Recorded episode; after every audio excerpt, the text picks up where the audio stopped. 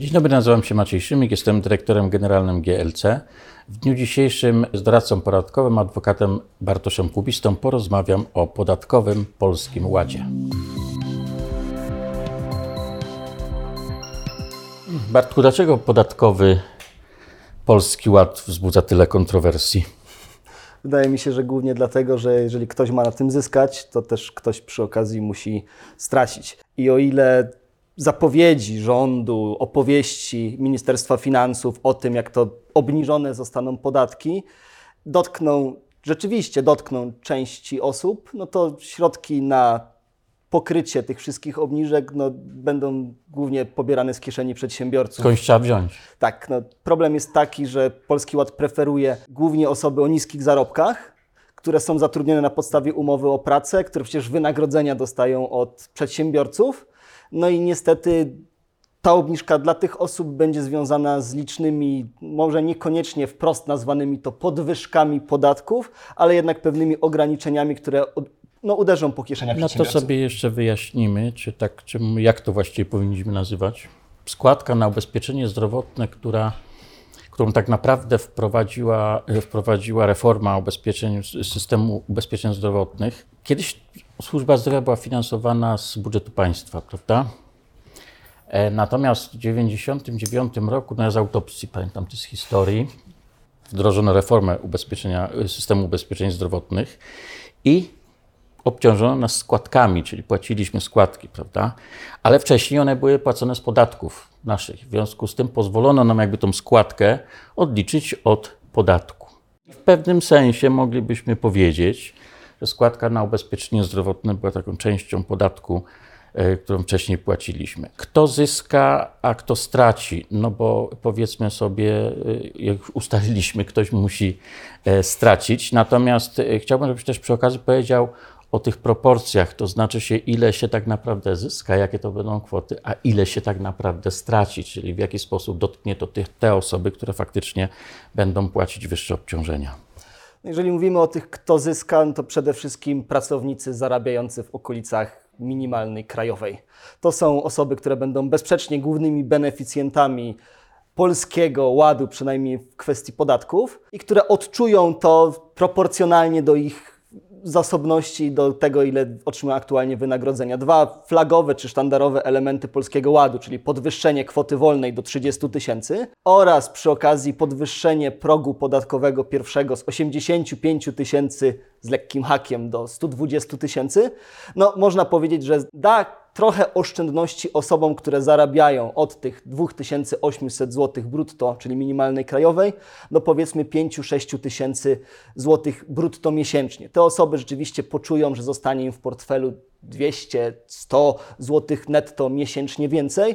No i dzięki temu, no, biorąc pod uwagę skalę, no to można powiedzieć, że ta proporcja będzie wyglądała całkiem nieźle. Stracą natomiast tak naprawdę wszystkie osoby, które zarabiają powiedzmy od 12-13 tysięcy brutto w górę, te osoby już będą odczuwały proporcjonalnie mniej pieniędzy, które zostaną im e, w portfelu. No i oczywiście im więcej będą one zarabiać, no tym strata będzie większa.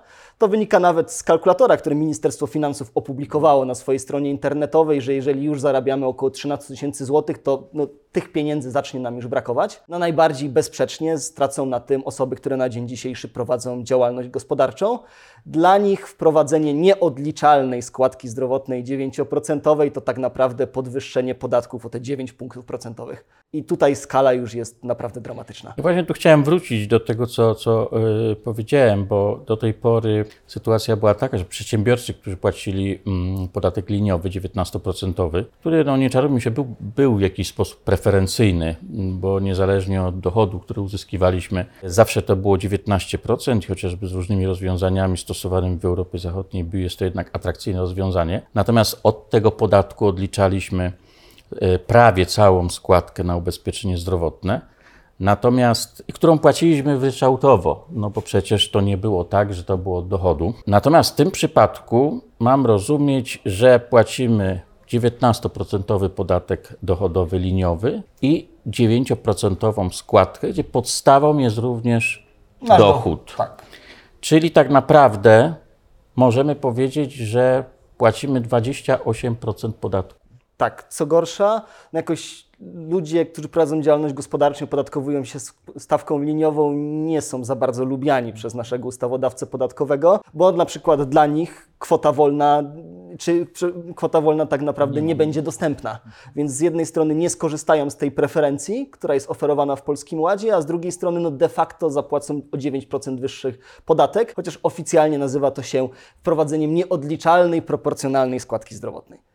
Czyli moglibyśmy powiedzieć, że tak z jednej skrajności w drugą popadliśmy, bo faktycznie no to opodatkowanie podatkiem liniowym stawką 19% było korzystne. Ten sposób opodatkowania wspierał przedsiębiorców, którzy co prawda mieli mało ulg, bo nie czarujmy się, inwestując w własną firmę, kiedy prowadzę jako osoba fizyczna, i tak muszę te pieniądze wcześniej opodatkować. W tym momencie popadamy w drugą skrajność i po prostu płacimy od każdej złotówki 28%, nie uzyskując w zamian praktycznie nic. Niewiele, niewiele. Są pewne nowe rozwiązania, które teoretycznie mają wesprzeć przedsiębiorców, natomiast to jest takie zabieranie całej masy przywilejów, a oferowanie ochłapów, którymi musielibyśmy się zadowolić. Tak na to trzeba spojrzeć. Czy nowy projekt y, zawiera jakieś no, nie niewspomniane wcześniej, czy rozwiązania podatkowe, o których się mniej mówi. Wydaje mi się, że przede wszystkim prawdziwą bombą, i to w negatywnym tego słowa znaczeniu, jest y, wyłączenie możliwości amortyzowania nieruchomości mieszkalnych. To jest taka rzecz, która spadła na przedsiębiorców, o której wcześniej nie mówiło się wcale albo niewiele, a która no, moim zdaniem ostro wpłynie na kwestie Nie tylko przedsiębiorców, bo Wszystkich przecież tak, naprawdę, tak, tak wiele tak. osób e, e, uzyskuje dodatkowy dochód z najmu i do tej pory było tak, że można było podatkować to na zasadach ogólnych, czyli jeżeli miałem koszty w danym roku, bo robiłem remont czy, czy jakieś e, inne nakłady na tą nieruchomość, no to, no to mogłem sobie to zaliczyć w koszty uzyskania przychodu i płacić podatek na zasadach ogólnych. Albo wybrać ryczałt. Albo wybrać ryczałt yy, i w tej chwili w zasadzie wyboru nie ma. Możesz przybliżyć to bardziej? Jeżeli chodzi o kwestię podatników PIT, to w zasadzie ryczałt staje się jedyną możliwością. Czyli wszystkie nasze dochody, jakie będziemy, a w zasadzie przychody, jakie będziemy uzyskiwać z najmu, dzierżawy i tak będą opodatkowane ryczałtem, który wynosi 8,5 albo 12,5% naszych przychodów, czyli bez prawa do potrącenia jakichkolwiek kosztów z tego tytułu.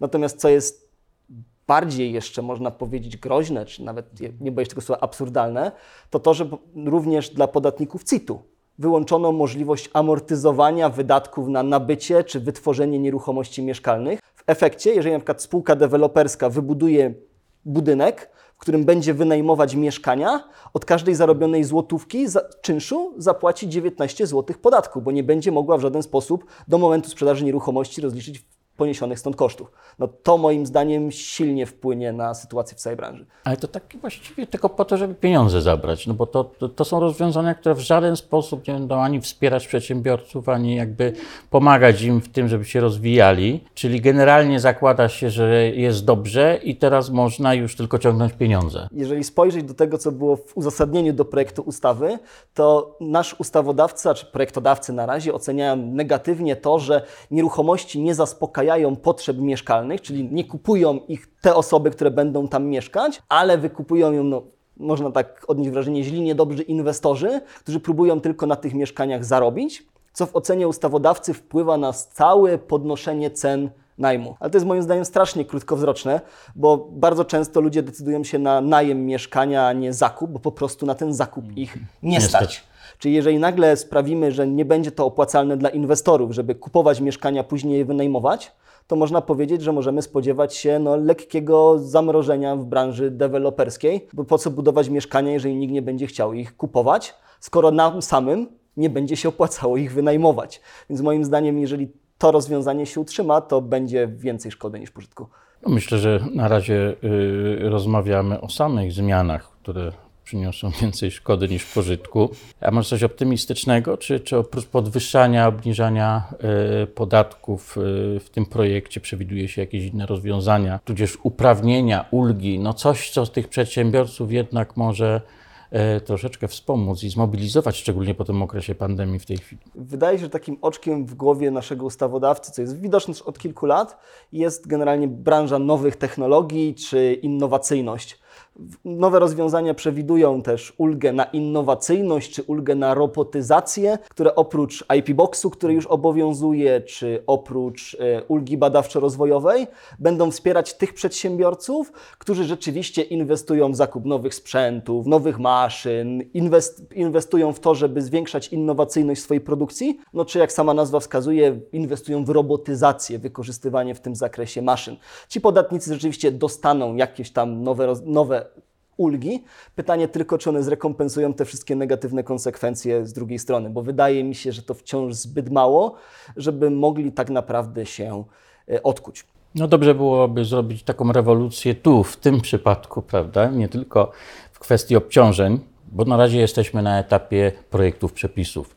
Trudno nam jest tutaj e, mówić, że e, na pewno tak będzie, bo myślę, że te przepisy jeszcze będą się zmieniać. Miejmy nadzieję, że na korzyść i w momencie, kiedy ustawy będą już e, podpisane przez prezydenta, przepisy wejdą w życie, to na pewno bardziej szczegółowo porozmawiamy na temat tych e, innych rozwiązań, które być może będą interesujące dla e, naszych klientów.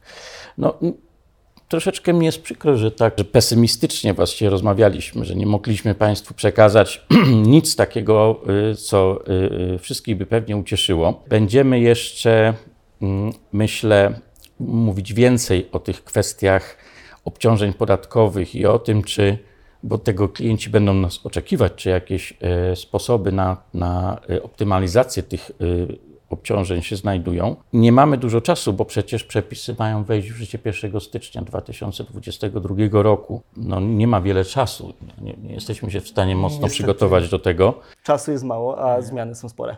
Zmiany są spore. Jeżeli y, szukać by jakichś rozwiązań, no to pewnie też trzeba byłoby może zmieniać czasami jakąś formę prawną prowadzenia działalności, czy jakieś inne, stosować jakieś inne rozwiązania. Tak jak powiedziałem, do tematu wrócimy.